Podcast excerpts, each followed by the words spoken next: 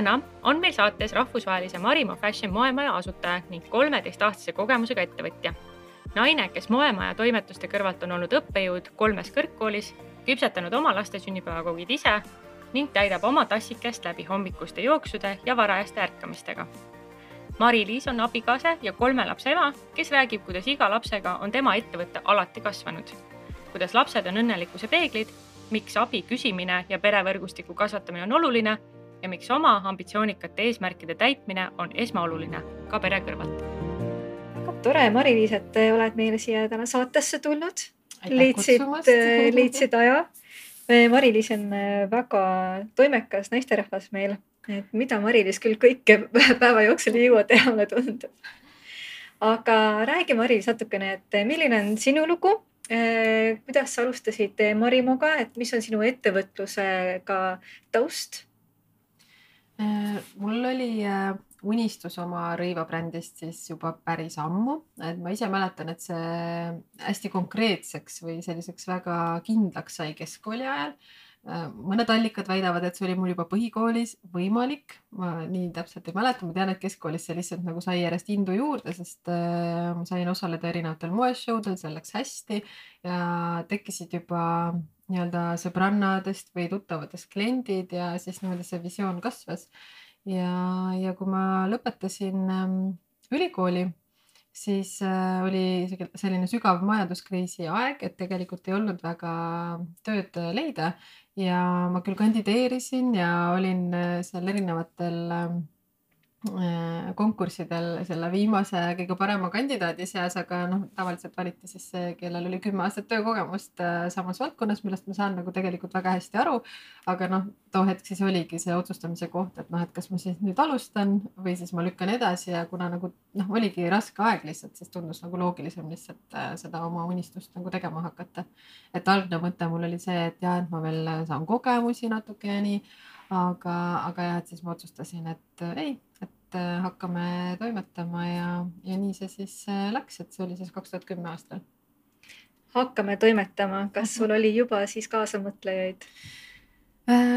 mul oli nii, et too moment, kui ma alustasin, siis oli küll nii jah, et ähm, et äh, ega ma ju ettevõtlusest selles mõttes ei teadnud liiga palju ja just, et kuidas siis seda teed täpselt käima hakata, milliseid samme esimesena astuda. et siis äh, äh tänu ühele sõbrale siis sain tuttavaks äh, äh tema ülikoolikaaslastega, kes toimetasid erinevate ettevõtetega, kes oli mentor, kes tegi oma ettevõtet, eks ju, ja ja sealt siis äh, ma sain päris palju tuge, leidsin ka oma esimese mentori, kellest siis tänaseks on saanud minu abikaasa ja meie kolme lapse isa väga vinge olete siis äh, mingil määral ka üheskoos seda teekonda siis äh, siin ka läbinud. absoluutselt ja et selles mõttes algul oligi ma just millalgi mõtlesin ka, et ma täpselt ei mäleta, et vist olid meil need mentorkohtumised kahe nädala tagant need olid hästi inspireerivad selles mõttes, et Raido oskas küsida neid ähm, õigeid küsimusi, et, et ta ei öelnud mulle ette, vaid ta küsis küsimusi, et ma ise siis mõtleksin, eks ju, et mis need, mis ma nagu tegema pean. ja alati tuled sealt ära, et ühtepidi oled justkui nagu ära tümitatud selles mõttes, et nagu, et noh, need ja need ja need asjad oleks võinud juba tehtud olla või et peaks seda, seda, seda tegema. aga teisalt oli see hästi inspireeriv, et saad äh, et keegi aitab sul nii-öelda jõuda selleni, mis need sammud on ja mis need õiged sammud on, sest et sa võid muidu teha, aga tegelikult äh, ei tule tulemust, eks ju, kui sa ei tee õigeid asju. ja, ja siis äh, Raido aitas tegelikult äh, selle algse nii-öelda tiimi minu ümber ka ehitada. et äh, nendest inimestest siis on tänaseks saanud äh, Marimo osanikud, eks ju, et nemad küll igapäevatiimis enam ei tööta kaasa, ei toimeta, aga meil ikkagi äh, kord kuus äh, on selline osanike koosolek, kus me siis nagu vaatame üle, kus me siis, kus suunas me praegu liigume ja mis seisud on, et selles mõttes nad on jah kogu aeg olnud äh, jõu ja nõuga siis tegelikult toeks ja abiks mm. -hmm. kes on äh, Marimo klient, oskaksid sa seda võib-olla mõne lausega kokku võtta, et kas ta erineb ka väga palju sellest, kes oli algselt su klient või mhm. kelleks ta on täna kujunenud? Tegelikult äh, väga palju ei erine, selles mõttes, et loomulikult on mingi hulk inimesi, kes on võib-olla vahepeal nii-öelda tagant ära kukkunud nagu klientidena ja siis on uue tasemele tulnud. aga mul ikkagi algselt oli see visioon, et see inimene, see naine, kes kannab Marimo toodet, on iseennast üles töötanud naisterahvas selline juhtival positsioonil, täna ongi meil väga palju on advokaate, notareid, ettevõtjaid, osakonnajuhte, et ja kõik on sellised naised, kes ikkagi ise tulevad, et kuigi on selline butiik ja ateljee ja kõrgmood, et meil ei ole selliseid naisi, kes tuleksid äh, mees kaasas ja siis mees maksab, et seda nagu tegelikult üli-üliharva kui juhtub üldse mm. -hmm. et ta on hästi sihuke teadlik inimene. ja täiesti ise sihuke mm -hmm. eneseteadlik naisterahvas jah, et ta ise teeb ka otsuse ja see mulle hästi meeldib, sest et tegelikult mulle väga ei meeldi need äh, situatsioonid, kus tuleb ähm, naine nagu kas äh, sõbrannadega koos või mehega koos ja siis tegelikult äh, mul ei oleks selle vastu muidu mitte midagi, see on alati tore nagu seltskonna mõttes mm -hmm. ja nii. aga lihtsalt ma näen, kuidas igal inimesel on siis oma arvamus, mida tema peaks kandma ja siis tegelikult see inimene, kes siis otsib endale toodet, tema satub segadusse lõpuks, et mis siis see otsus on, mis ta peaks tegema. ja siis ta ei, tihti ei pruugi seda otsust teha enam enda soovist lähtuvalt, vaid võtab kõiki neid teisi soove arvesse ja siis tegelikult äh, lõpptulemus võib olla see, et ta ei ole rahul selle tootega või noh, selle valikuga. kas sa näed, et Eesti klient on nagu lojaalne siis mingile teatud stiilile või ka tema on äh, kutsunud rohkem sellist äh, äh, vaba aja hõngu, et äh, ma tean, noh, kuna ma ise olen Skandinaavias pikalt elanud, siis seal on väga populaarne äh, mix match ida, eks ju mm, -hmm. et sul mhm. ongi väga klassikaline, aga samas ta on nagu väga õhuline, selline kerge on ju stiil et äh, kas sa näed, kuidas Eesti klient või Eesti naine, kuidas ta on, et kas ta ka ajas muutub koos selle kollektsiooniga? ikka muutub ja selles mõttes, et meil on inimesi, kes on ju ikkagi suhteliselt näiteks algusajast nagu kaasa tulnud ja minu kollektsioonid on ju ajaga muutunud, eks ju ja, ja samamoodi ka see, et ikkagi me näitame ise päris palju neid nippe, kuidas erinevaid äh, tooteid kanda. me läheme ka ju järjest julgemaks, et me katsetame ka ju, et, et annamegi seda nõu äh, nii, et endal oleks ka ikka põnev ja, ja tegelikult on näha, et inimesed võtavad sealt hästi palju šnitti ja võtavad neid äh, mõtteid ideid üle, et, et äh, just mäletan ühes proovis üks äh, klient, kes on ise selline suhteliselt nagu klassikaline, reserveeritud. Ja siis ta tuli ühtede saabastega, et ma ütlesin, oo nii ägedad, sobivad nii hästi kokku. ja ma vaatasin teie seda videot sealt selle järgi. Läksin otsisin endale, et selles suhtes on nii palju neid asju, et me tõesti nagu kuuleme klientidelt ja et kes on ise ka osad naised on nagu, nad ise teevad research'i, nad nagu tõesti teavad, vaata, mis on moes, kuidas kanda, kõik, nagu õiged terminid on, eks ju, teada. Ja, ja sellised naised ka ütlevad, et aga ikkagi on nii inspireeriv neid teie asju vaadata, et mis sest, et ma palju tean, aga ikkagi sain jälle uue nipi, eks ju, et selles mõttes äh, kõik see on nagu muutunud, et peabki inimesele andma niisugust nagu päris äh, väärtuslikku sisu, eks ju, väärtuslikku teavet, et kuidas siis kanda ühte toodet. ja, ja see kõik tegelikult algas äh, kuidagi sellest, et ähm, meil oli üks pitsseelik kollektsioonis, niisugune pliiatseelik, hästi kena, hästi sellisest ilusast, kvaliteetsest õrnroosast pitsist tehtud ja, ja tõesti selline luksuslik ja inimesed käisid, vaatasid, muidu kiibitsesid seda seal äh, sange peal, aga väga paljud osta ei julgenud. ja see põhiline lause oli see, et aga kuhu mina sellega lähen mm, -hmm. et kus mul seda kanda on ja ja ma ise kandsin seda seelikut too aeg põhimõtteliselt nagu igapäevases elus kogu aeg, eks ju, tennistega, T-särgiga, siis panin jällegi kristallidega vöö, musta topi, mustad sukad, kontsakingad, hästi pidulik, et noh, et teda saab nagu aasta ringi kanda ja, ja siis ühel hetkel meil tuligi tiimiga see mõte, et hakkame siis näitama neid nagu, et kuidas nagu kanda. Ja kui ma selle esimese video tegin, noh täna muidugi tagantjärele vaadates ma ilmselt mõtlen, et issand jumal, et noh, et nagu, et tase on ikka nii palju muutunud vahepeal ajas, eks ju. Aga lihtsalt see tekitaski selle momendi, et naised said aru, ahaa, et see oligi see ahaa moment, et ma saan seda nii kanda, nii kanda, issand, aga sellel on nii palju kandmisvõimalust, eks ju. Ja meil peale seda jah, kõik need seelikud, mis olid, osteti ära, kõik see kangas, mis oli, need tegime seelikuteks ja tellisin kangast juurde ja selle kõik ka müüsime ära, nii et selles mõttes inimestel nagu tõesti noh, nagu oli see ahaa moment ja sealt edasi oli minul ahaa moment, et noh, seda ongi tegelikult vaja, eks ju. Mm -hmm vaata, inimesed vahel ei oska neid asju visualiseerida endale nii täpselt, et nad lihtsalt näevad seda nii üksi. ka mina, see väga kõnetas mind. mul kohe tekkis ka tunne, et mis pitseelik, mul on ka aasta vaja. Kas seda on veel? Seda enam selles värvis ei ole, aga on juurde tulnud erinevaid toone. Et äh, aga see ongi see, et, et noh, täpselt nagu sa ütlesid, tegelikult nagu äh, üks asi on see aspekt, et ei oska visualiseerida ise, kuidas kanda, aga teine asi on see, et selleks ei ole aega, sest et inimene, kes on meie klientuur, tal on oma väga tähtsad asjad, mida ta oma elus ajab, eks ju, et see ei olegi nagu tegelikult tema nii-öelda töö, eks ju, mõelda, kuidas seda kanda, vaid ongi mõistlik, et keegi teeb tema eest selle ära, teeb talle selle lihtsamaks, eks ju.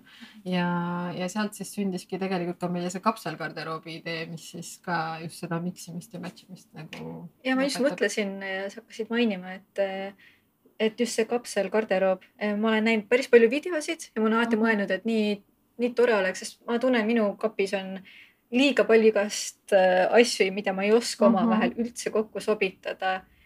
aga just äh, kui mul on, ma olen näinud neid showroom'e nii-öelda siis, et kus nad näitavad, et ühed püksid ja kõik need erinevad look'id, mis sa saad mm -hmm. sellega mm -hmm. luua, tundub nii palju efektiivsem viis, kuidas no esiteks näed ilus välja ja palju efektiivsem viis, äh, kuidas tegelikult ka äh, raha kulutada -huh. või invest-, ütleme siis investeerida, investeerida tegelikult just, oma riietusse. mulle meeldib ka öelda just, et see on investeering, et mm -hmm. sest tihti on nii, et kui näiteks meie toodet vaadatakse, et nad on ju kallis, eks ju mm. -hmm. ja et siis panna see kapselgarderoob sellest kokku, et noh, see summa tuleb ju päris suur, eks ju aga samas ta ongi investeering, sest et sa saad aastaid neid tooteid kanda, eks ju, et see lõpuks on äh, vähem raha kui see, et sa lähed ja ostad nagu iga hooaeg need trendikaubad, eks ju. sa jääd lihtsalt lõputult ostma Just, kogu aeg neid. sest see probleem, nagu sa ütlesid ka, et ongi, et, et see probleem on seal, et naistel on kapid rõivaid täis aga, aga lihtsalt äh, selga ei ole panna mitte midagi tänu sellele lihtsalt, et neid asju ei saagi kombineerida, sest et sa oled ostnud erineval nii-öelda ajamomendil äh, võib-olla natuke nii-öelda hoo pealt selle asja, eks ju, sihuke impulss ost on olnud ja, ja need, nad ei lähegi omavahel kokku, sest see ei ole nagu läbimõeldud äh, shoppamine olnud, eks ju, et tegelikult, kui sa mõtled step by step läbi ja siis lähtuvalt sellest nagu oma garderoobi lood, et siis sul ei teki neid momente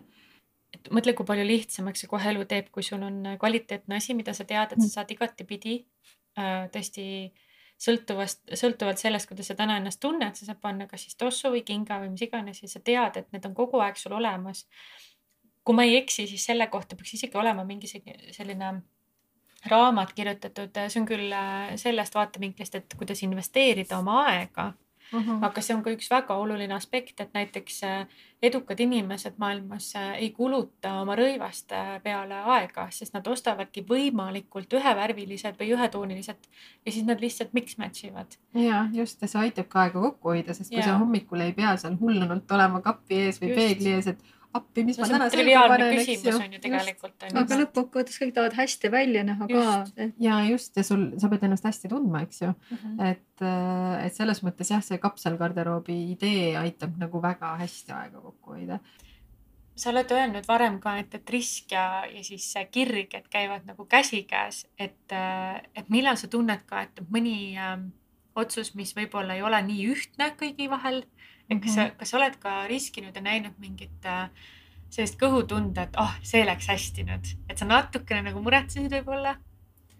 Äh, tegelikult neid asju, ma arvan, ikka päris palju ja. olnud aja jooksul, et äh, ütleme, et kui sul ongi see kirg midagi teha, siis sa ju tegelikult täiega riskid algul. selles mm -hmm. mõttes, et sa ei tea kunagi, kas see läheb peale, kas sa leiad need kliendid või noh, kui me räägime nüüd ettevõtte kontekstis, eks ju ja samamoodi ka vahel need mingid otsused, et kuidas siis noh, mis iganes, mis kollektsiooni panna või mis siis turunduses teha, et see on alati tegelikult ju risk, sa kunagi ei tea, sest meie valdkonnas on see, et me peame enne tegema toote põhimõtteliselt valmis, kui me saame selle ju tagasiside turult, eks ju, et kuidas siis see vastu võetakse.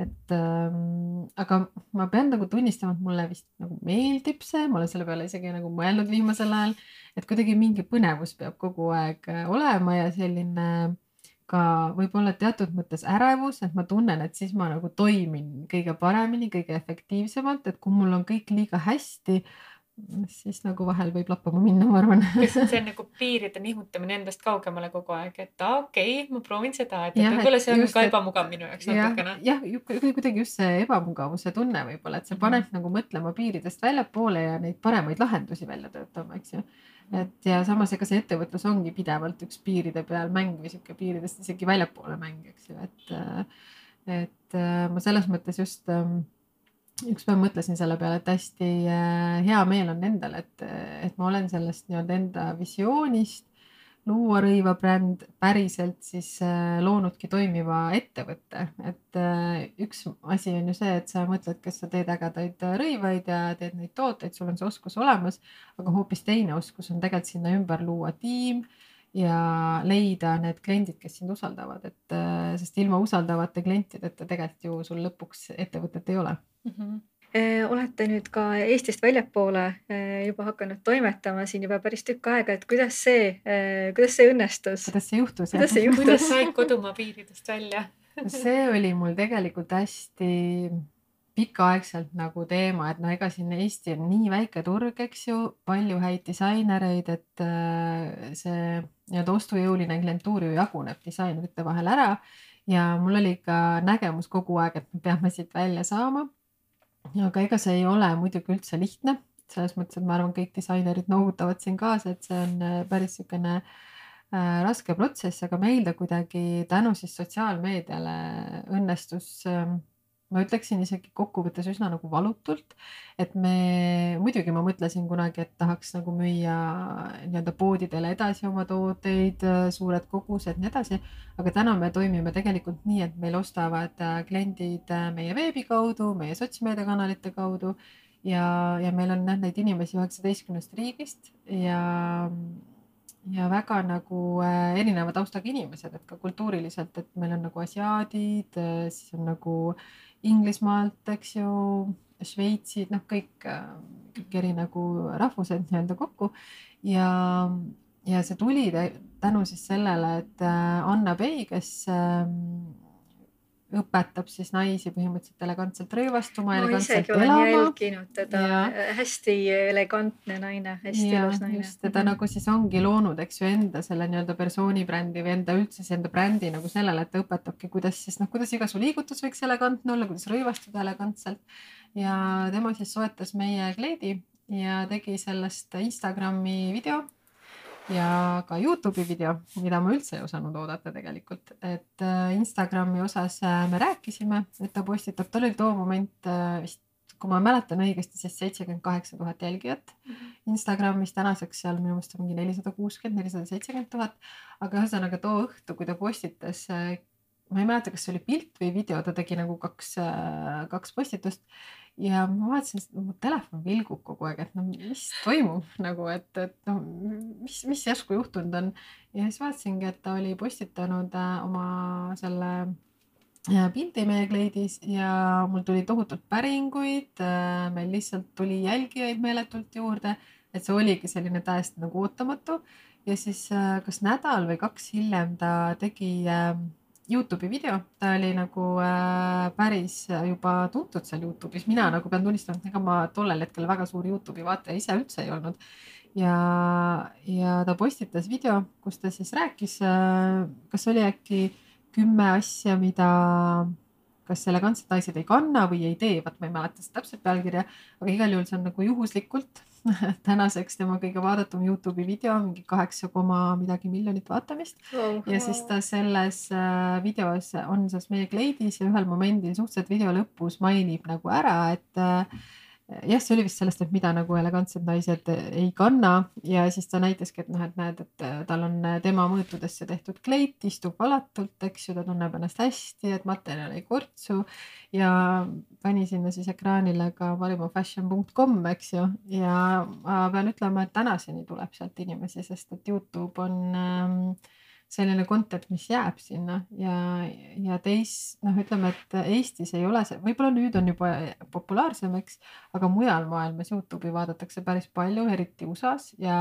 meil ongi USA-st väga palju kliente tänu sellele. põhivälismaalt, kus need tellimused ikkagi USA on siis äh...? USA on jah, number üks, kuigi mm -hmm. nüüd ma pean ütlema, et ma ei ole numbriliselt vaadanud, aga eelmisel aastal siis väga jõudsalt tuli juurde Austraalia mm, -hmm. et äh, kaks äh, sellist, sellist sihtkohta jah Euroopa kontekstis meil on äh, küll üks klient, aga väga-väga hea klient on Austriast äh,. et noh, et kui riigipõhiselt nagu mõelda, et kust mhm. seda nii-öelda käivet meile nagu kõige rohkem tuleb, eks ju. ja mis on see kõige üllatavam riik, kust ka tellitakse äh,? Taiwan mm. -hmm. et noh, see midagi jälle sellist, et ma ei osanud nagu unistada, et meil võiks olla Taiwanist kliendid, aga ma olen selle pildi nagu pannud kokku nii, et olgu nad äh, kas USA-st või Taiwanist või erinevatest Euroopa riikidest. meil on väga palju äh, asiaate ja pigem nagu jaapanlannad.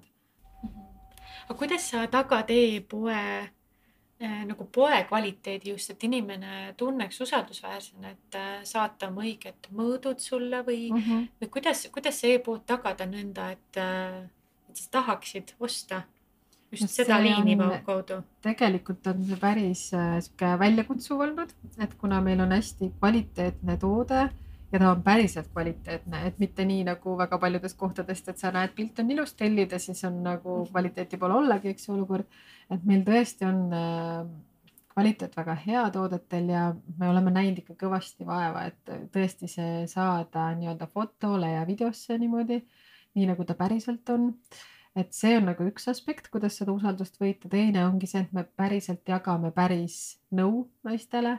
Ja kui ikkagi inimene nagu võtab meiega ühendust, siis me alati kõigile vastame. Selles mõttes, et, et me ei jäta inimest nagu üksinda, et meil on see välja öeldud ja me ja me teeme seda ka väga palju, et ongi, et kui inimene soovib nagu nõu, siis esimene selline pool tundi konsultatsiooni on talle tegelikult tasuta, et ta saab nagu, ta saab nagu äh, põhimõtteliselt siis äh, kinnituse, et kas me siis oleme päris tegijad või ei ole, eks ole, ja me saame talle neid äh, tooteid läbi videosilla näidata ja nii edasi, et eks see usalduse võitmine on selline hästi suur töö. Et kui kunagi nagu, kui ma alustasin, mäletan öelda, et, et seitse korda peaks inimene sinu brändist nagu kuulma või kokku puutuma, et tal tekiks see usaldus ja ta ostaks selle toote. ja siis täna see on see kuskil kahekümne, kolmekümne vahel.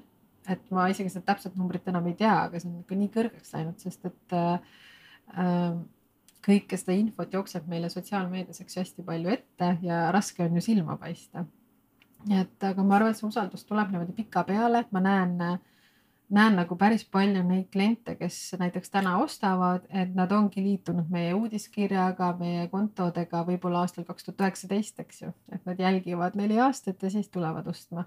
ja samamoodi tegelikult ju ka, see oli nüüd nagu rääkides väliskliendist, aga kui me räägime ka Eesti kliendist, et me oleme ju turul olnud tegelikult tükk aega ja ikka on ju uusi inimesi, kes tulevad, et, et see võtab aega.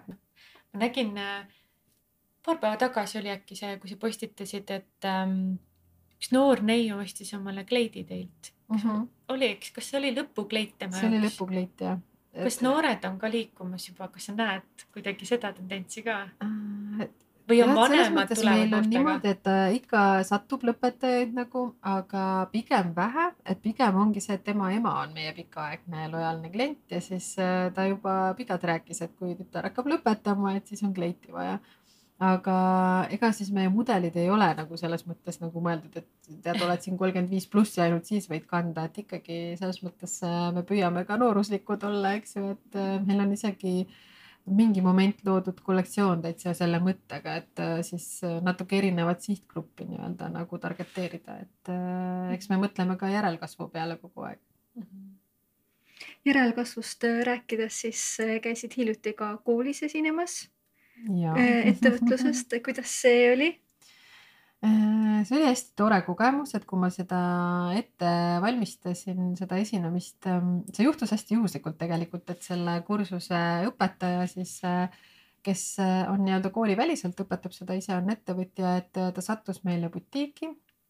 meil assistent siis, kuna mind ennast ei olnud too moment, me olime just välis äh, välislähetuses ühel kliendil nagu külas, eks ju, ja, ja siis ta hästi säravalt rääkis seda minu lugu ja kõike seda brändi story't.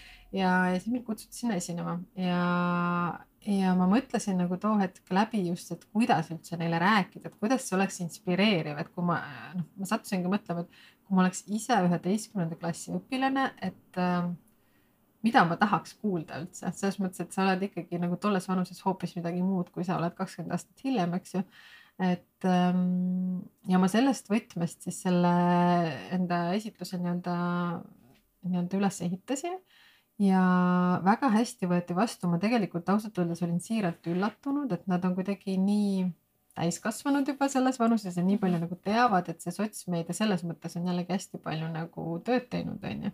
ja eks ma ehitasin teda, seda oma ettekannet ka üles just sellest sotsmeedia aspektist, sest see on meile hästi palju nagu meie edule kaasa aidanud. Ja ma nägin, et see tõesti kõnetas neid ja pärast tuligi tagasiside, et see on nagu nende siis nelja nii-öelda hooaja nagu äh, kõige inspireerivam esinemine olnud. et äh, selles mõttes mul oli endal hästi hea meel, sest ega noh noori ei ole tänapäeval nagu lihtne üllatada või lihtne inspireerida, sest nii palju jookseb ju seda sotsmeediast kõike noh, nii-öelda infot üle maailma ju kokku on ju ja neid lugusid erinevatest ettevõtjatest, et kui, kui meie olime nagu selles vanuses, no meil ei olnud seda infot nii palju kätte saada. kas sa näed, et äh, üle selle on siis ka noored muutunud hästi ettevõtlikeks?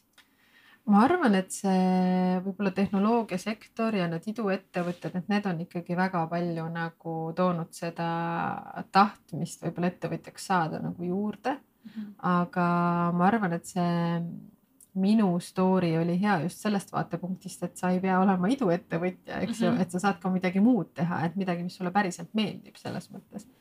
et. sa mainisid, et sa olid õppejõud ka mingil hetkel äh, ja nii, kas siis ja. oli ka palju õpilasi, mäletad, kui suured need kursused või klassid sel hetkel olid?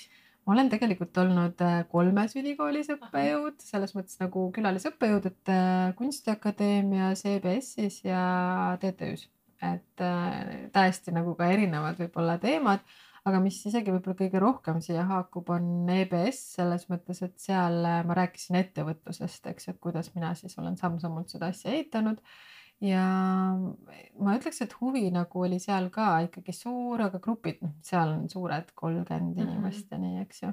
aga noh, see on hästi tore, et äh, kutsutakse nagu päriselt ettevõtet ehitavaid inimesi rääkima, sest et äh, ma ise nagu mäletan enda ülikooli ajast, et äh, kuna mina õppisin TTÜ-s, siis meil oli ka tegelikult see ettevõtluse ained olid olemas, turundus oli, oli ka, aga ta oli hästi teoreetiline ja tegelikult, kui sa ei kuule neid päris inspireerivaid lugusid, et siis noh, sa võib-olla, ma arvan, iga inimene ei suuda võib-olla ise neid seoseid nii hästi luua, et saada nagu aru, et kus siis miski päriselt võiks töötada, aga kui sul keegi päriselt praktik tuleb, räägib, siis sa suudad selle teoreetiliselt raamatust loetud asja nagu sinna konteksti, ma arvan, äh, panna. tekib pidepunkt, vaata nende just. teoreetikute või teo-, teooriate, teooriate taha, eks ju. taha mm -hmm. ja just, sest et muidu sul võib-olla ei kinnistu isegi need asjad nii hästi, eks ju mm. -hmm. et täna on muidugi lihtne, trükid Google'isse ja info tuleb, eks ju, selles mõttes, aga, aga ikkagi on hea neid päris story sid lugeda, sest et noh, kõik ei käi nagu sõrmenipsuga ja üleöö, et see on aastatepikkune töö ikkagi. aga see, et päris inimene on ikkagi klassi ees, tekib eh,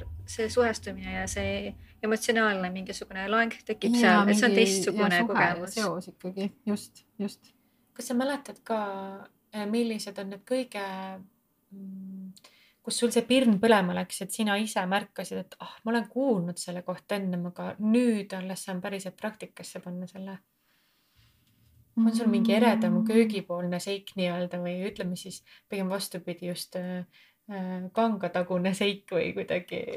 muidu nagu ettevõtluse vallas, et kui me algul rääkisime ka, eks ju, mentorist ja nii, et, et tegelikult nagu on, et sa mingil momendil saad aru, et okei okay,, et noh, korduvalt nagu mingid asjad on läbi käinud, räägid, siis saad aru, ahah, okei okay,, tegelikult noh, ongi nii, vaata, et noh, näiteks nagu müük, eks ju, et, et see mulle Raido siiamaani räägib, eks, et see oli kunagi minu selline valupunkt või kõige sellisem asi, mida ma kõige vähem tahtsin teha, selles mõttes, et see kuidagi oli nii, et mõtled, et nii ma tegin toreda kollektsiooni, ilusad tooted, nüüd inimesed tulevad ostma. Mm, -hmm. aga see ei käi nii, see mm -hmm. nagu sa pead ennast nagu täiega ületama, sa pead inimestega ühendust võtma, sa pead neid kutsuma, sa pead tegelema sellega, aga see peab neile nagu ka meeldiv olema, eks ju et, et äh, siis Raido jah, mingi moment äh, ütles siin äh, äkki paar aastat tagasi, et noh, et, et, et rääkisime ühe täiesti teise inimesega, kes küsis ka nagu ettevõtluse kohta ja siis ütles, et see müük on, et sa võid hakata ettevõtjaks, aga mõtle, kas sa müüki nagu suudaksid või tahaksid teha.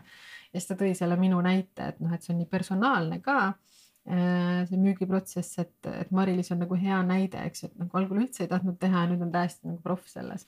aga see nõuab sellist väga palju endalt, väga palju märkamist, et, et kui sa ükskord ütlesid või tegid midagi, siis sa jätad selle meelde, järgmine kord nii siis ei ütleks või noh, et see on hästi selline nagu tunnete ja sõnade mäng nagu, et selles mõttes ja eks me seda siis püüame, et see on üks asi, kuidas sa teed seda personaalselt, aga eks me püüame seda ka siis oma nagu sotsmeedias ja nii nagu arvestada, et, et noh, väga piiri peal on see, kuidas sa nagu pead neid asju ütlema. Mari-Liis, aga sa pole ainult edukas ettevõtja, aga oled ka ema, kolme lapse ema ehm, mida sa oled õppinud, äh, olles nii ema kui ettevõtja, et kuidas nad on äh, üksteist äh, võib-olla ka aidanud?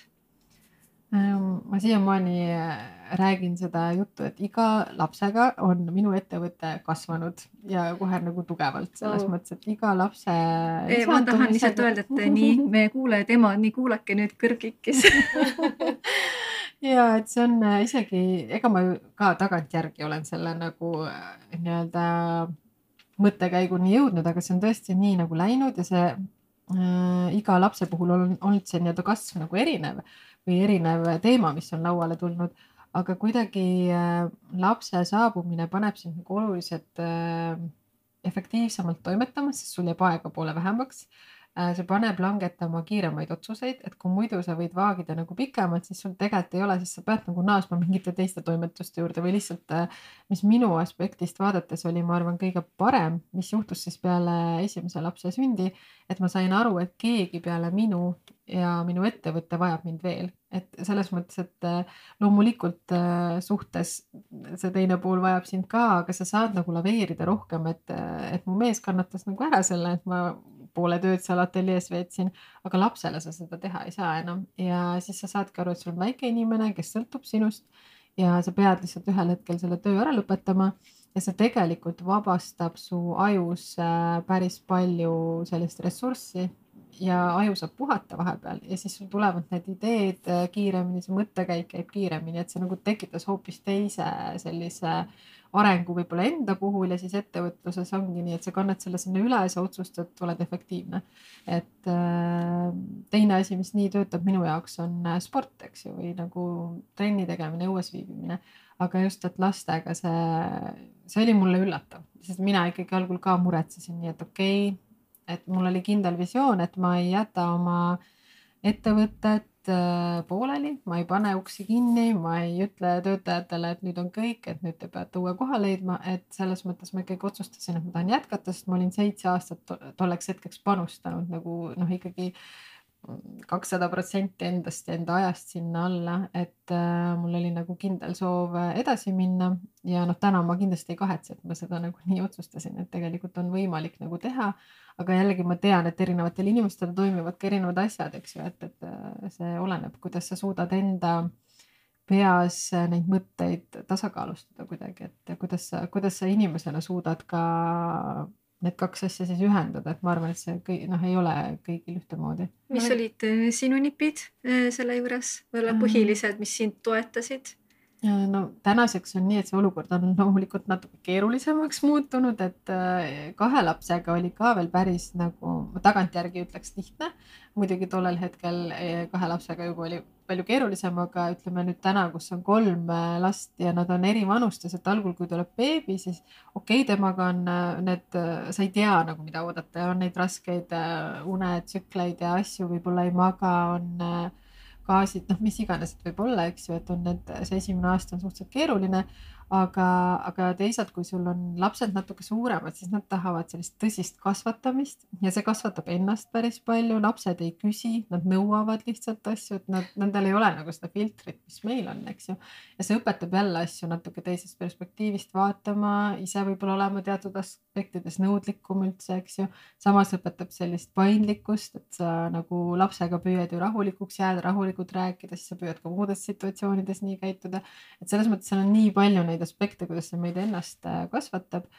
aga, aga see nipp, ähm, mis sa küsisid, et ähm, võib-olla nagu teise lapse puhul ma märkasin, et ma võtsin liiga palju enda peale, et esimesed neli kuud siis äh, käisin igapäevaselt temaga koos tööl, et äh, muidugi juba noh, peale esimese lapse sündi oli nii, et ma läksin tööle tagasi viiendal päeval, sest et ta sündis detsembri lõpus ja teisel jaanuaril oli vaja hakata vabariigi aastapäeva kleite tegema wow.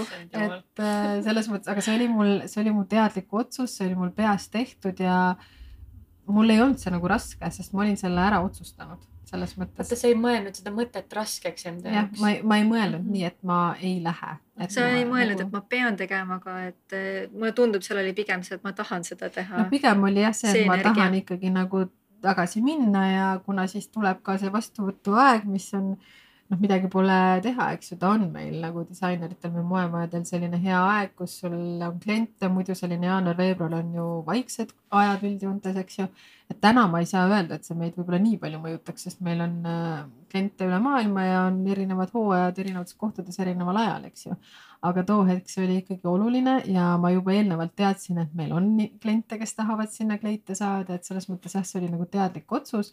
ja kui sa selle enda jaoks otsustad nii ära, siis ta ei olegi ilmselt äh, raske ega keeruline, aga kui sa mõtled selle keeruliseks, siis ta on keeruline, eks ju aga jah, teise lapsega oli lihtsalt see moment, et ma võtsin neli kuud enda peale, mees nagu, äh, kes tegelikult toetab mind nagu igas mõttes selles suhtes, et, äh, et kui tema mind ju toetanud ei oleks, oleks öelnud, et ei, et nagu, et noh, et äh, naine jääb koju või mis iganes, et siis ma, ma arvan, ei oleks saanud edasi teha, aga tema nagu on ka toetanud, et ta ei tahaks äh, sedasama, mida ma ise olen oma peas mõelnud, et ma ei tahaks tunda ühel hetkel seda, et nii, et ma jätsin asjad tegemata, mis mulle olid olulised sellepärast, et me saime lapse, eks ju, või lapsed mm. -hmm. et, et seda ma olen nagu püüdnud äh, vältida ja teha laste kõrvalt.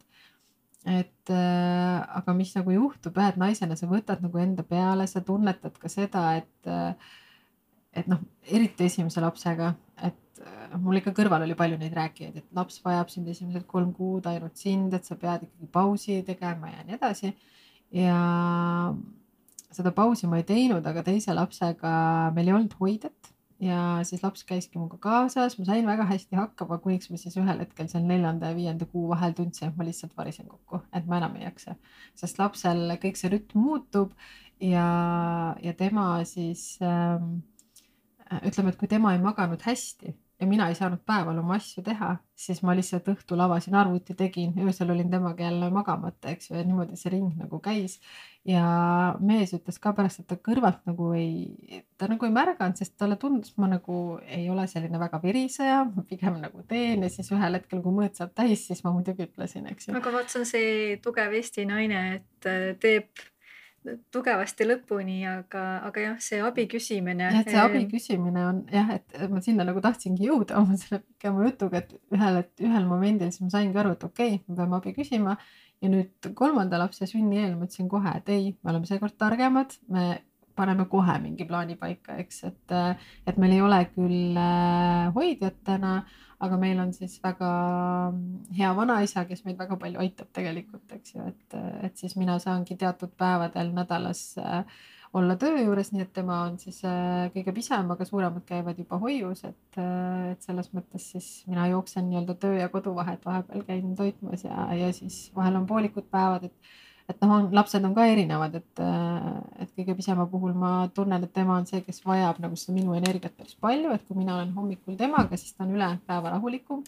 et äh, aga kui ma hommikul vara pean juba kuskil olema, et siis nagu äh, vanaisa naerab, et siis ta on tige herilane et selles mõttes jah, et nagu beebid on, beebid on erinevad aga see abi küsimine on kindlasti, mida nagu pigem teha varem kui hiljem, et ei ole vaja kellelgi nagu kokku joosta ja, ja et lastega noh, on raske selles mõttes, et sa pead nendega väga palju arvestama ja ennast teatud momendil võib-olla tagaplaanile seadma. Et eh, eks ma samamoodi, et kui ma tean, et ma olen eh, palju tööl olnud või nagu asju teinud, siis ma sellel hetkel, kus ma olen kodus, püüan täiesti nagu keskenduda, fokusseerida, anda neile selle sada protsenti emme aja, eks ju, et seda siis nagu tasakaalus hoida. ja siis on nemad jälle rahulikumad, siis saad oma asju ka teha kõrvalt, et noh, et mhm. selles mõttes see kõik on nagu seotud omavahel.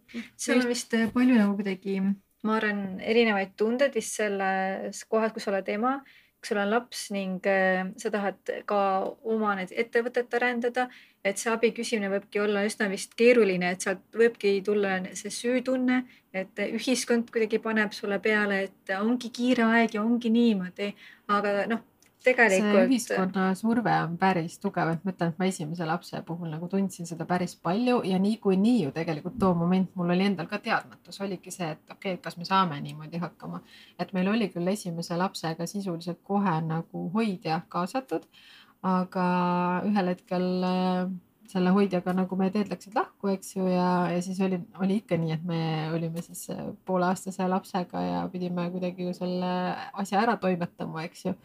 Et äh, selles mõttes sa pead nagu kõigeks valmis olema, et isegi kui sa teed kõige parema plaani, näiteks kui sul on kõik oma tööasjad planeeritud, lapsed jäävad haigeks, eks et sul peab nagu mingi tagavara olema, et see kodune tugivõrgustik on nagu hästi-hästi oluline, et ähm, et kui seda ei ole, siis tasub seda varakult ehitama hakata või küsida, eks ju, et kui, kui lapse saamise soov on. aga kuidas mina olen seda nagu enda jaoks seletanud ja, ja ma arvan, kuidas ka tänaseks lapsed nagu mõistavad, et Marimo on see minu nii-öelda esimene beebi ja siis tegelikult täna mu lapsed oskavad sellega nagu arvestada, et nad küll jah, sada protsenti võib-olla ei saa täna aru, mis emme teeb ja me ei ole seda nagu ka liiga palju nii-öelda selgitanud, aga samal ajal ma näen, et eks nemad kõrvalt ju jälgivad, nad näevad kõnesid, asju pealt ja, ja vahel nad äh, viivad mind tööle koos issiga ära ja nii, et noh, suurem laps on ka käinud butiigis, et, et siis äh, vahepeal imiteerivad kodus, et äh, panevad stangerõivaid täis, siis äh, väiksem laps siis mängib seda klienti seal.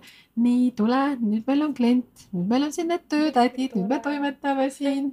Ja siis täna on meil sellised kleidid siin, et noh, selline hästi nagu tore, kuidas nad võtavad üle, et see on nagu äge just tahtsingi küsida, et äh, tundub, et äh, sul on väga hea tasakaal tekkinud selle iset olemisega, et noh, et äh, sellegipoolest, et on lapsed, aga lapsed ju näevad ja võtavad seda maailma, kogevad läbi sinu tegemist ja kuidas sina oled.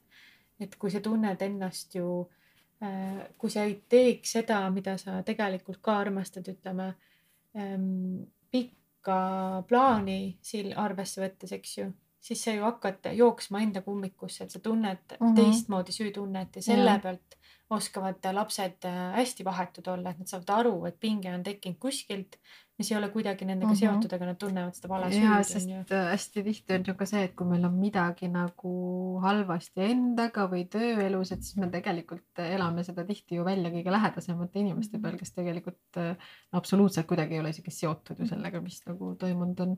et äh, mina tajusin seda ise tegelikult esimese lapse sünniga, kui ta oli beebi, beebid on hästi tundlikud ja äh, kui mul oli tööl näiteks raske päev ja ma läksin koju ja ma kuidagi nagu võtsin selle emotsiooni või tunde endaga kaasa. ma olen hästi tundlik inimene, ma elan nagu kõiki asju läbi, ma võtan südamesse, sest see ongi minu enda loodud nii-öelda ettevõte täiesti nullist, eks ju.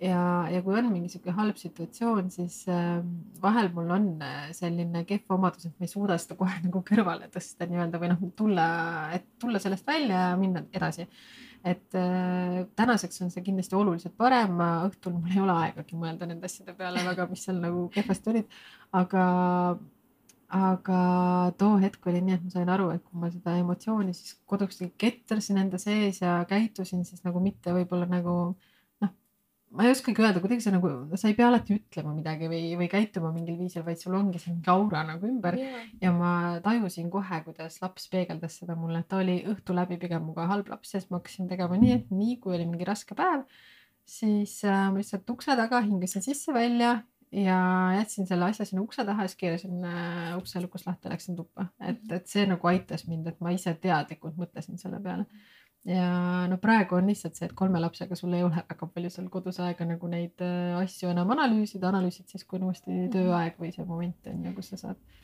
seda ma tahtsingi võib-olla ka äh, just noh, peegeldada, et võib-olla esimese lapsega ettevõtlusega võib-olla tekibki see äh, vale süütunne alguses, et, et ma ei tohi nagu võib-olla pühendada enda aega rohkem oma ettevõttel, nagu sa ütledki, et noh, tegelikult see on väga ebapopulaarne arvamus su suures pildis, et, et sa oled oma ettevõtte kõrval nii täpselt samas mahus, kui sa oled ka oma esimese lapse kõrval.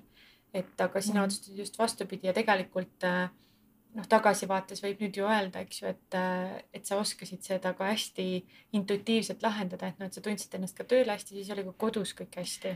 ja ma tegelikult olengi seda nagu niimoodi kokku võtnud, et kui mina olen äh, õnnelik ja rahul enda et, nagu tegemistega mm, -hmm. siis tegelikult ma olen parem ema sest et kui ma oleksin kakskümmend neli seitse kodus, ma, ma lihtsalt tean, et mulle see näiteks isiklikult ei sobiks, mulle väga meeldib oma lastega palju aega koos veeta ja nendega väga palju ägedaid asju teha.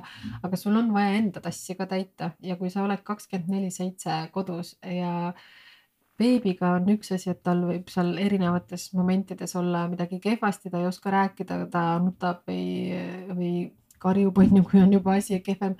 aga kui on äh, suuremad lapsed ja, ja veel beebi ka sealjuures, eks ju, et nemad elavad kõiki oma emotsioone välja. Äh, kas nad mängivad, nad on väga rahul, nad mängivad, nad on üksteise peale kurjad, ühtviisi vali on see lärm ikka, et sul kogu aeg tegelikult noh, ma ise nagu mingi moment nüüd äh, tunnetasin siin kolme lapse kõrvalt, et äh, kuidagi seda ajuressurssi jääb nagu puudu mingi moment, sest et sul on kogu aeg üks väsitav element, mis on lärm ümberringi.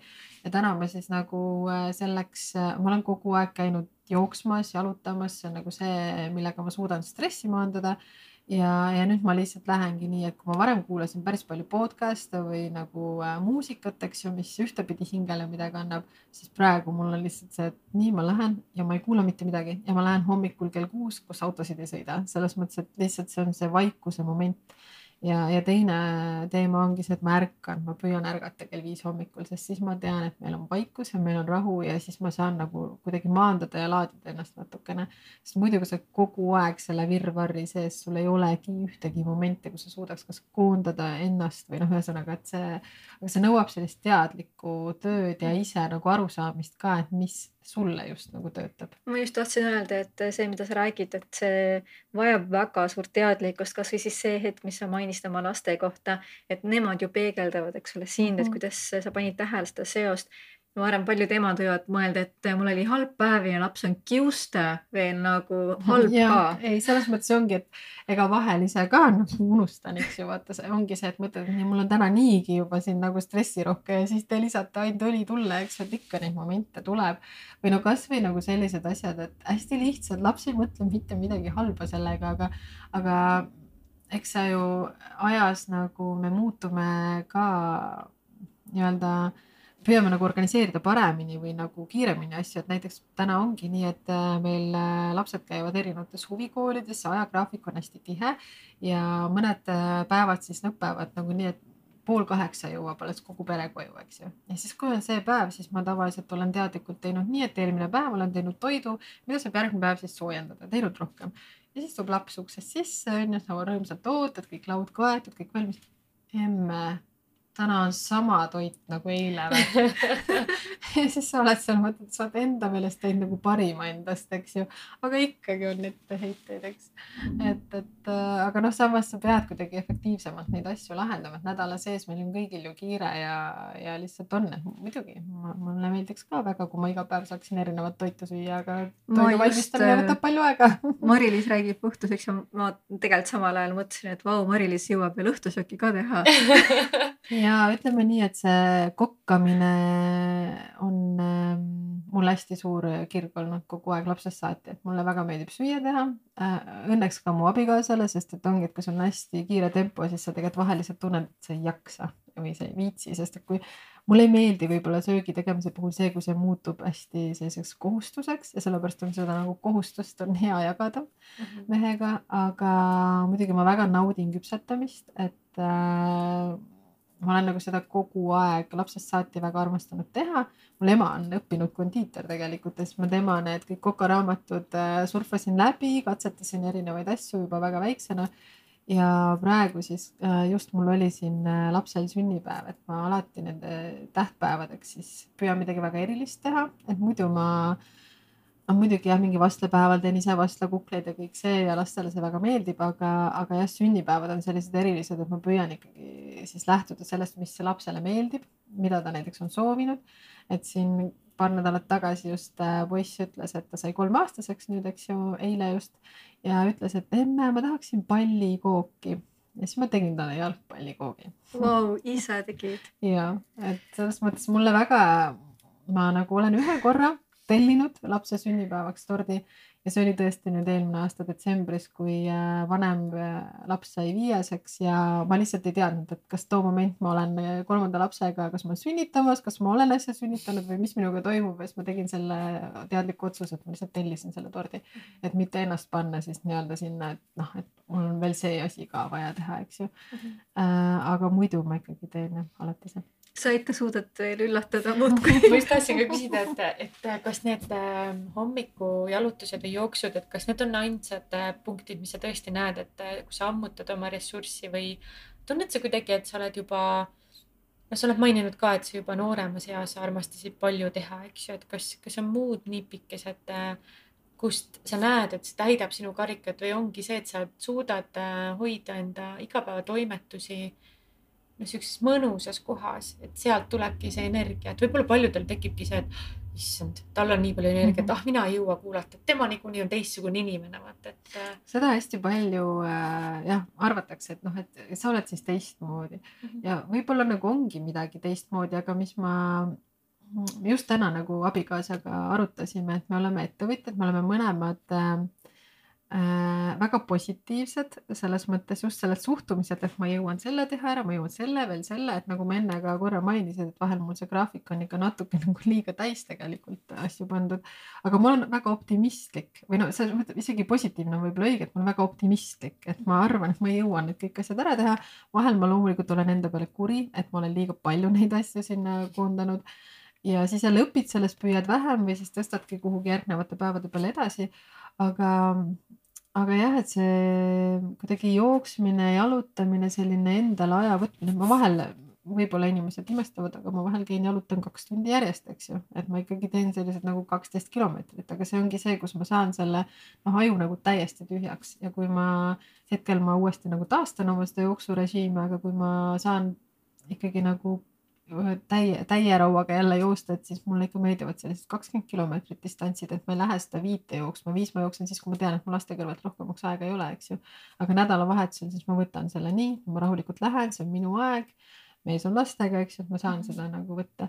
ja see tõesti nagu taastab väga ära ja see minule see annab energiat, et kui tihti arvatakse, et nii okei okay,, see trenn ka veel, et ma ei jaksa, ma olen niikuinii juba väsinud ja peale seda olen veel rohkem väsinud, siis minu jaoks see on see, mis mulle energia annab ja mulle meeldib seda just teha hommikul, sest õhtul ma arvan, kui ma jätaksin selle õhtu peale, siis ma võib-olla ei jõuaks pooltel kordadel trenni, et minu jaoks on lihtsalt see, et see peab olema üks esimesi asju, mis ma teen ära et, et see on nagu tähtis ja mis ma olen veel avastanud, selle ma olen muidugi avastanud umbes viimase aasta-pooleteisega.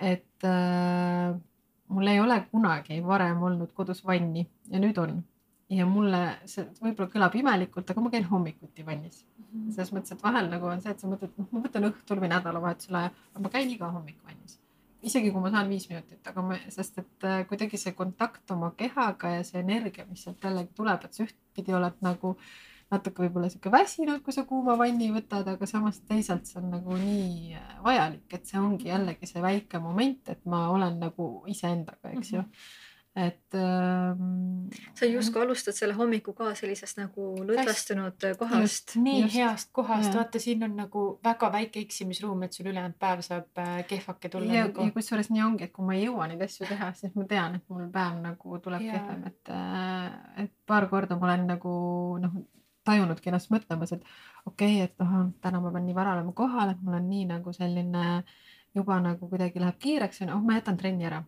ja siis ma mõtlen, ei okei okay,, mõtle veel kord, kui sa jätad trenni ära, siis on juba kõik halvasti, onju. Mhm. sest siis ma olen nagu iseendast nagu noh, isegi kui sa seda võib-olla niimoodi kohe ei mõtesta, tegelikult on endas sihuke frustratsioon või pettumus, et ma loobusin sellest, sest see on tegelikult minu aeg ja see on väga nagu oluline, eks ju. Mhm. et selles mõttes jah, ma olen nagu leidnud, et mulle meeldivad need pikad hommikud, et äh, kui ma mingi hetk lugesin raamatut Imede hommik, siis seal soovitas nagu tunni aja jooksul teha ära, ongi väike trenn, eks ju, siis äh, natuke lugeda, õppida midagi, mis mulle ka väga meeldib, et ma väga nagu püüan äh, lugeda päris noh, just palju nagu ettevõtlusalast kirjandust, sellist äh, nagu harivat, et ma vanasti lugesin ka kõike muud, aga hetkel kuidagi see hariv äh, nagu moment on asja üle võtnud et, et seal soovitas niimoodi kümme minutit, aga ma seda ma pean tunnistama, ma ei suuda hoida, et kui ma ikkagi trenni teen, siis ma tahan ikkagi nagu juba trenni teha, eks ju, mhm. et aga siis lihtsalt ma ei tee seda iga hommik võib-olla sellises mahus, eks ju, et, et ma olen jaotanud mingid oma päevad,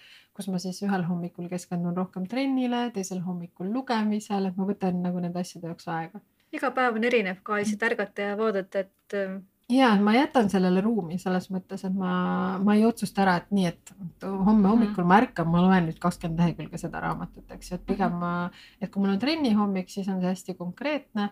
et ma tean, et mul see on, aga, aga nagu muudel hommikutel jah, ma jätan sinna ruumi ja ma võtan aega ka hommikusöögiks, et ma absoluutselt vahet ei ole, mis päev on, ma söön iga päev hommikusööki, et ma ei jäta seda mitte kunagi vahele et äh, ja mingid sellised enda nagu rutiinid võib-olla, mis on nagu tekkinud, eks ju. ma, ma loodan, et emad siin äh, kikitasid kõrva, panid väga palju häid äh, mõtteid, sellepärast et see, mis sa ka mainisid selle söögiga, et ma kõrvalt, kui vaatan oma sõbrannast, kes on emad nad vahel unustavad täiesti, nad unustavad kõik ära, nad on nagu nii keskendunud lapsele ja jooksevad ainult ümber lapse ja ma saan aru ka, loomulikult see on hästi oluline, et tal oleks hea, aga kui sul endal jällegi, eks ole, ei ole hea, siis ega lapsel ka lõpuks ja, ei olegi ja siis ja. sa oled nõiaringis lihtsalt niimoodi, et ja. Eh, just see hommik, et sa võtad selle endale, et sa leiad selle aja ja ma just tahtsin peegeldada seda ka, et äh, sa rääkisid ennem ka, kuidas sa tahad nagu oma piire nihutada ja tegelikult ütleme teha endaga kokkulepped, see võib ka tulla alguses värske emana, tulla ebamugavast kohast, et ma lepin endaga kokku ja ma nihutan seda piiri kaugemale, mida ühiskonna mingi stigma mulle peale kogu aeg loeb, et nii peaks olema. et sa oledki kogu aeg oma noh, värske beebiga, et sa nihutad selle ebamugavuse veits kaugemale ja võib-olla ärkadki kell viis. Ja võib-olla teed kasvõi äh, nii-öelda ampsudena, teed võib-olla esimesed pool tundi ainult iseendale, aga sellest juba võib-olla piisab ja see määra. absoluutselt, see ei pea olema mitu tundi, eks ju mm, -hmm. ja sa ei pea ärkama kell viis, sa võid ärgata kell kuus on ju, oleneb ju beebirütmist ka, eks ju. et äh, aga minu jaoks lihtsalt ma olengi avastanud, et see töötab, sest see on, ega ma ei teinud seda kell viis ärkamist äh,. ma ei mäleta, kas ma hakkasin seda tegema niimoodi veidi enne, kui meil esimene laps sündis või, või siis nagu äh, nii-öelda selle tema sünni ajal, vot seda ma nii täpselt ei mäleta, aga ma olen nagu aja jooksul saanud äh, aru, et see on see, mis mulle töötab lihtsalt mm -hmm. ja kui ma seda nagu ei tee, siis ongi, kõik on juba nagu rohkem halvasti ja tegelikult, kui me soovime, et kes praegu täna ei suuda ärgata nii, siis tegelikult hakka noh nihutama näiteks mingi kümne minuti kaupa, et sa ei pea ju hakkama järsult, et homme ma ärkan kell viis. et see, mis võib-olla nagu veel siia juurde ära mainida, et see tegelikult äh, tähendab ka seda, et ma lähen magama kella üheksa, kümne vahel. et mhm. kui ma lähen magama kell kaksteist, siis ma äh, võib-olla esimene päev suudan kell viis ärgata, aga juba mingi päev ma ei suuda, eks ju. ma just tahtsin küsida, et see küsimus alati, kui keegi ütleb, et ma ärkan kell viis, et okei okay,, aga mis kell sa magama mhm. lähed, et. see on hästi oluline ja, et ja ma olen jällegi ennast jälgides saanud aru, et mulle tegelikult see varase õhtu uni mõjub kõige paremini, siis ma puhkan kõige paremini mm -hmm. välja.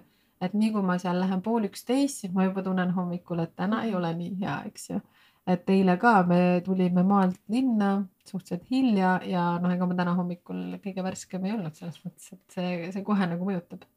ma tahan ühe asja küll küsida, kuna sa näed enda ettevõtet tehes äh, väga palju äh, juhtival positsiooni naisi, eks ju, nii-öelda neid boss lady sid nagu öeldakse, eks mm. -hmm ja need on ka sageli emad, eks ju. kas sa näed, et teil võivad ka mingisugused ühised ähm, harjumused olla, oled sa klientidega üldse nii familiaarne, et sa oled paiskanud siukseid asju õhku, et kuidas nemad oma päeva kasutavad? ei, me väga palju räägime sellest. milline on Eesti ja... ettevõtja naine siis no tegelikult on nagu erinevaid naisi, aga ma näen ikkagi väga palju seda, et seesama nii-öelda trenni tegemine, see nagu ikkagi väga paljudele töötab väga hästi mm, -hmm. et äh, see ongi see enda aeg, et äh, ja kuidagi sa teed ju ka seda enda heaks, nii enda vaimse kui füüsilise tervise heaks, eks ju. et võib-olla meil on kogu aeg selle trenni tegemise mõttes see füüsis olnud nagu esirinnas või ületähtsustatud. aga mina täna nagu võtan seda nii, et see füüsiline hea vorm kaasneb lihtsalt boonusena, sest et mhm. tegelikult see on ajupuhkus et, et see on nagu kõige tähtsam ja ma arvan, et sellepärast ka väga paljud edukad naised teevad seda mm. -hmm. et äh, jah, see, me tõesti nagu räägime päris, päris palju sellistest nagu isiklikest asjadest ka ja see ongi see, et ma olen selle usalduse võitnud et ma ei lähe siis neid jutte kuhugi edasi rääkima, eks ju, selles mõttes, vaid see ongi meil omavaheline, eks ju, vestlus ja see on nii tore, sest et tegelikult ise ka õpid väga palju selle läbi ja jällegi saad kelleltki nippi. -hmm. et kui mina näiteks tükk aega noh, jällegi võib-olla üks nipp, mis enne jäi mainimata, et alguses lastega ma ikka koristasin ja kõike tegin ise, tänaseks ma olen koristaja võtnud, kes meil kahe nädala mhm. tagant käib, et äh, muidugi seda korrastamist ja toimetamist on iga päev endiselt, aga lihtsalt, et sa mingitest tegevustest nagu pääsed tegelikult tänu sellele. ja ma olen seda võtnud nii, et kui mul algul ka no just äh, äh, kuidagi vanema generatsiooni poolt natuke tuli see, et äh, kas siis tõesti ise ei jõua, eks ju, aga küsimus ei ole selles, kas ma jõuan või ei jõua, loomulikult ma jõuan. Ma võtan selle aja kuskilt, aga samas ma mõtestasin seda enda jaoks nii, et ma võtaksin selle aja ju oma laste arvelt. et just, see on nagu tähtis. just tahtsin öelda, et sa ju pead millelegi ei ütlema, et millelegi ja öelda ja vast, vastupidi ka. täpselt ja samas on ju võimalik mingeid äh, teenuseid ju tänapäeval eriti ju sisse osta, et mhm. milleks siis seda kõike nüüd ponnistada ja ise teha, et kui äh, pigem saad luua seda kvaliteetaega oma perega. Äh, Eestis veel, et ei ole see, ma arvan, et see vaikselt muutub, hästi vaikselt, et see mm -hmm. ei ole mhm. võtnud veel mingisuguseid mõõtmeid veel, aga ma tean, et Lõuna-Euroopas on see tegelikult väga normaalne. ja, no see ongi mujal maailmas on see tegelikult mhm. täielik -hmm. täiesti normaalsus, eks ju, aga meil on kuidagi see alles nii-öelda, ma ütleks lapsekingades, eks ju mm, -hmm. et eh, ega endal oli ka esimese hooga võib-olla nagu, et okei okay, kaalud ja mõtted, siis pärast mõtlesin, et oleks pidanud juba varem seda tegema. ja et meil, ma arvan, noh ju, ju vist tuleb selline. on üldse raske võtta vastu. võib-olla ka, et ühiskonnad tuleb kohe, et ega sa mõisapreel ei ole jah, äh, kuidagi jah, et see. et see Eesti ühiskond, et see, nagu see natuke võib-olla see talupojakultuur mm, -hmm. et me olemegi mhm. harjunud kõike ise tegema, eks ju, ja see on väga tore, mulle väga meeldib ise nagu teha. aga, aga noh, ongi, et mingeid asju saab lihtsustada või noh, näiteks, mis hästi koroonaga ju muutus normaalsuseks, et me kõik täna tellime toitu mm -hmm. Tagantjärgi mõtlen, miks ma raiskasin seda mm -hmm. aega ja käisin ja miks ma tassisin mm -hmm. neid raskeid poekotte mm -hmm. üldse, et tegelikult ju ebamõistlik selles ja. mõttes. Inglise keeles on see hea väljend, et äh, võib kasutada erinevates kontekstides pick your battles mm -hmm. ehk äh, kas mingi asi on seda väärt, et äh, Just. punnitada mm. -hmm. täpselt, et äh, sa saad nagu jah, need asjad nagu perspektiivi nagu tõsta, eks ju sa ennem korra mainisid äh, trenni ja sporti ja seda, et ähm, füüsiline äh, keha tuleb siis nagu boonuseks, eks ju, see hea vorm nii-öelda mm. -hmm. kas te ka sellistel teemadel, noh, mainisid ennem, et te teete väga palju nagu või noh, te teetegi kõik oma rõivad teete siis nagu custom tailored, eks ju. no et... selles mõttes jah, et meil on suurusnumbri põhised tooted äh, olemas, aga ikkagi me see tugevus on see, et me mhm. teeme nad mõõdu järgi. kuidas sa ütled, et kuidas need värsked emad, et kas äh, on ka mingi teatav ebakindlus tuleb, et äh, pärast lapse sündi, et noh, et, ähm, et, et kuidas, kuidas sina näed, et nad äh, taastavad näiteks selle, selle heaolutunde, et kas see ongi siis see, et, äh, et ma saan käia sportimas, ma saan kvaliteetseid riideid kanda? ma arvan, see on jällegi inimestel nagu inimeseti tegelikult väga erinev, et kellel mis nagu, kellele mis nagu tegelikult lõppkokkuvõttes toimib, aga ütleme, mida meie jah, nagu aitame Marimuga teha, eks ju, ongi see, et äh, ma ise just olles kolmandat korda selle läbi teinud, ma saan nagu väga hästi aru sellest ebamugavustundest, kui sa oled harjunud ennast peeglist vaatama ühtemoodi ja siis sa järsku oled nagu teistmoodi nii-öelda. et see võib olla ju mööduv nähtus, aga noh, ega ta sada protsenti sul ei pruugi nagu taastuda see kõik, mis enne oli. et seda ma nagu näen meil päris palju ja just noh, ikkagi ongi äh, naised, kellel on lapsed, et noh, et see väike kõhuke ei kao ära või noh, noh mingid asjad või et enne ma olin selline hästi saleda pihaga, nüüd peale lapsi tegelikult enam ei ole, eks, et noh, neid asju ma näen ja Äh, ma püüan nagu selles mõttes toetada ja aidatagi siis leida need rõivad, eks ju, milles sa tunneks ennast mm -hmm. nagu nii hästi, et sa seda nagu äh, kuidagi, et see ei ole su esimene asi, mida sa sinna peeglisse vaadates nagu näed, eks ju, et äh, täna ka, et mul on see äh, kleit seljas, et meil ennem oli juttu ka, eks ju, sellest kukkuva pihaosaga lõikest et see on ka näiteks see, milles mina olen ennast väga hästi tundnud, et ma kandsin seda varem enne nii-öelda laste saamist, siis ma kandsin teda raseduse ajal, väga hea kleit, kõht mahtus sisse ära ja siis peale rasedust on ka selline mugav, et, et sa nagu ei pea ennast ebamugavalt tundma, et aa, et ma ei ole veel saavutanud oma seda vana ümbermõõtu, eks ju mm. -hmm. et selles mõttes jah, tuleb nagu, et väga ägedaid ilusaid asju saab kanda, aga lihtsalt tuleb valida too moment siis need õiged asjad, eks ju, aga tihti on see, millega joostakse ummikusse, et ei osata seda õiget toodet valida. Et äh, jah, see on selline ja jälle emotsioon jälle. veidike kattub vaata selle teemaga, mis me just rääkisime ka, et, et sa ikkagi täidad selle oma äh, klaasi ennem ära, onju, et sa tunned enda, enda rutiinides ennast hästi, enda pereolus ennast hästi ja siis noh, kõik, kui, kui sul nagu kui see pilt ei ole selline, mida sa tahaksid, et ta praegu on, sul on alati võimalik veel kuhugi poole ennast suunata.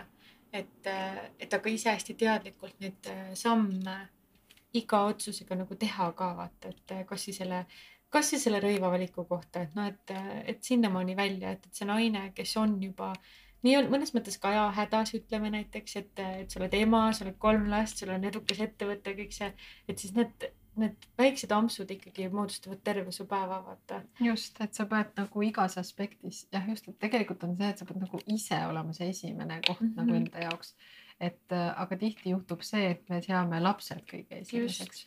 et me oleme mehega ka seda arutanud, et noh, e-, esimene oleme me nagu noh, nii-öelda mina iseendale ja tema siis iseendale, siis tegelikult seejärel tuleb suhe ja siis tulevad lapsed, sest et muidu on see, et kui lapsed võtavad kõik üle, siis sul ei ole ühel hetkel iseennast ja sul ei ole ka suhet, eks ju mm. -hmm et äh, aga seda on päris äh, jälle raske nagu hoida, sest et lapsed, nagu ma ütlesin, nad võtavad jõuga.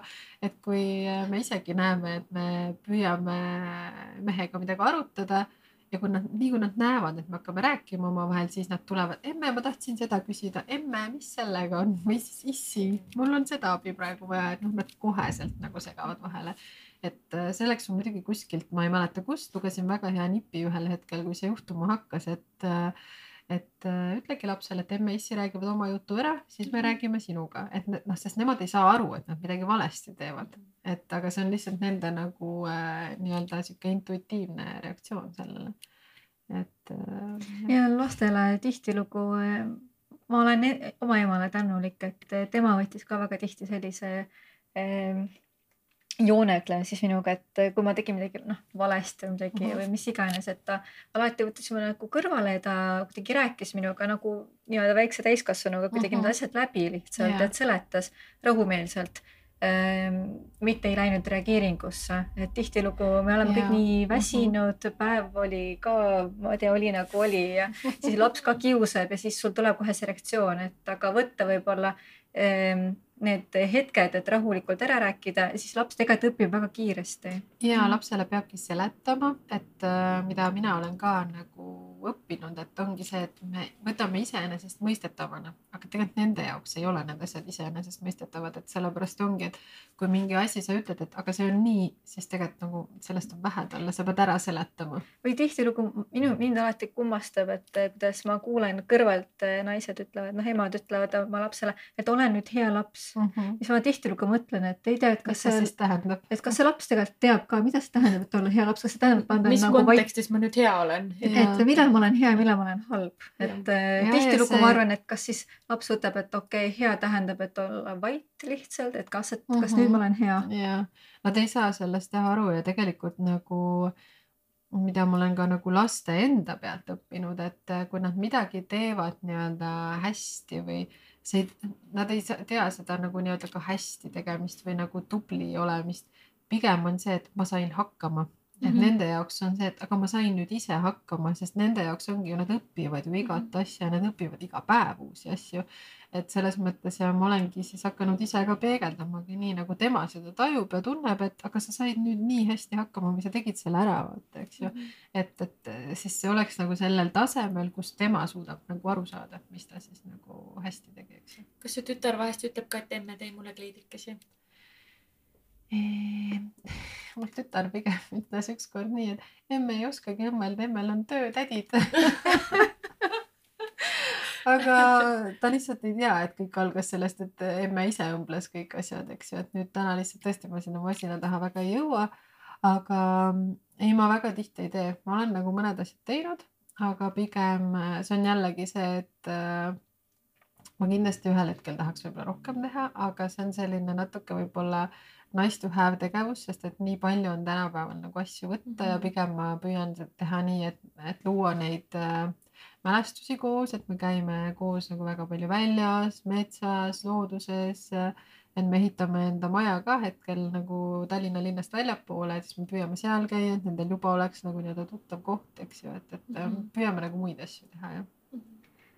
aga räägi veel Marimost paar sõna, et mis on teie tulevikuplaanid äh, Äh, on midagi sellist äh, veel, sa rääkisid, tahaksid naiste kollektsiooni äh, täiendada, aga ja. kas on nagu midagi, kui sa lubaksid endal nagu unistada hästi suurelt ja neid unistusi ikka käib äh, pidevalt läbi, et selles mõttes ähm, üks äh, asi, mida ma just siin ühes intervjuus ka välja ütlesin äh, paar nädalat tagasi, et, et seda ma olen pikalt nagu mõelnud ja tahaks ühel hetkel, et Kate Middleton kannaks Marimad et see on muidugi selline unistus, milleni ongi mitte liiga vara mõistlik jõuda, sest siis sul võib ettevõte pankrotti minna, selliseid näiteid on nagu minevikust olemas, eks ju.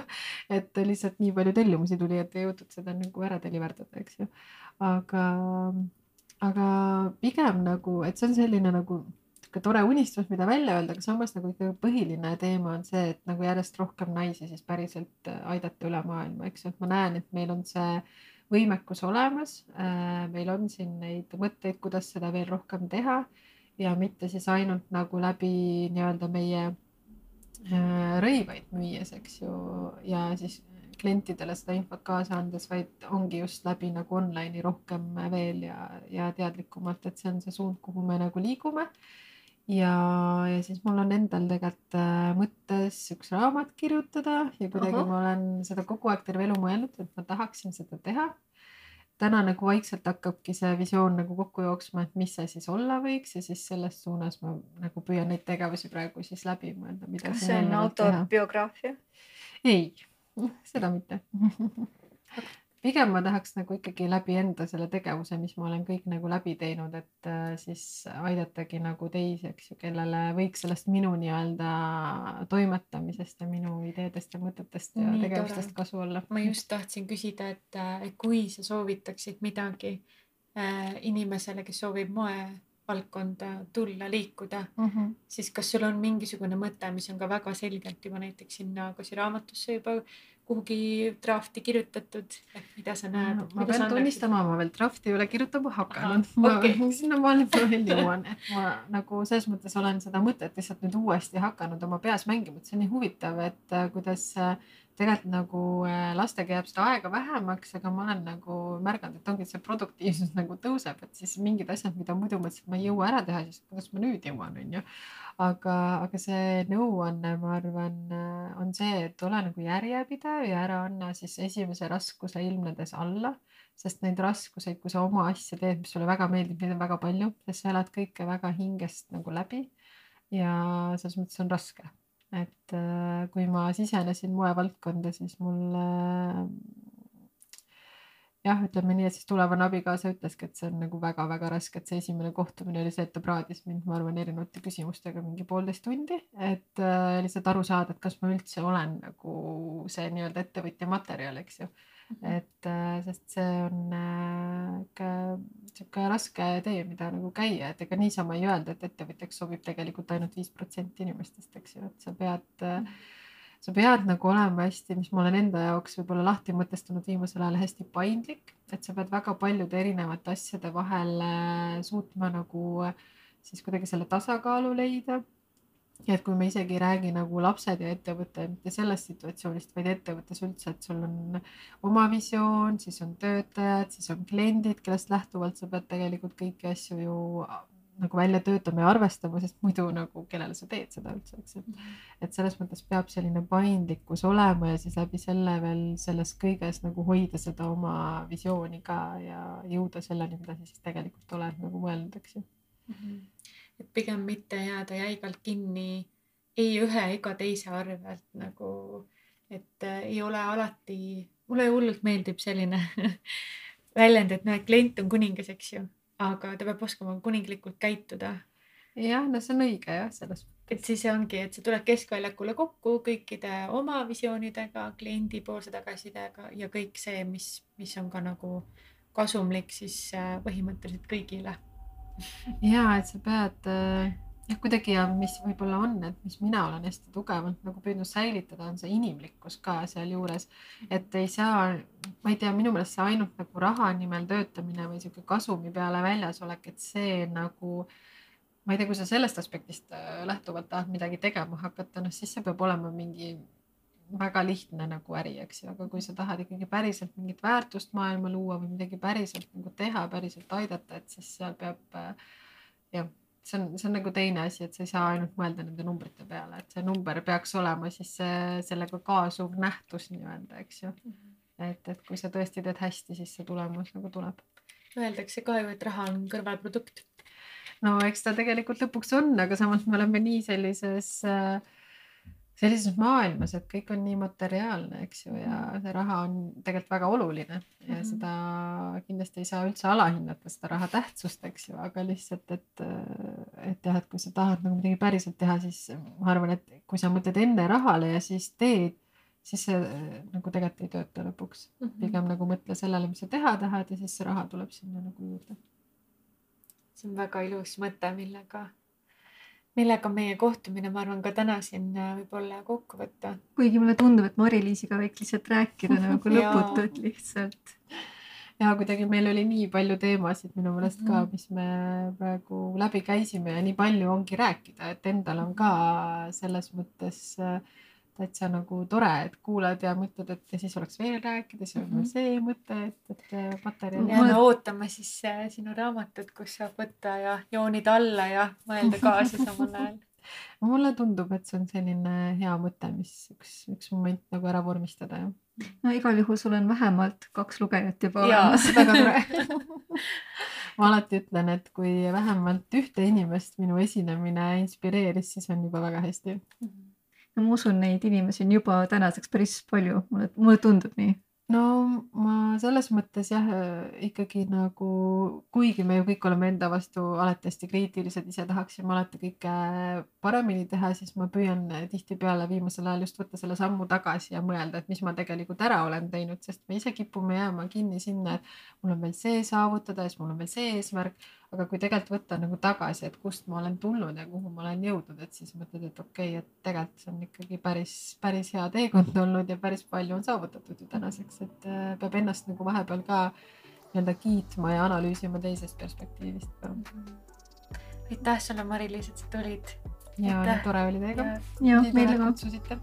aitäh sulle ja järgmiste kordadeni siis meie kuulajatega ka. ja, tšau,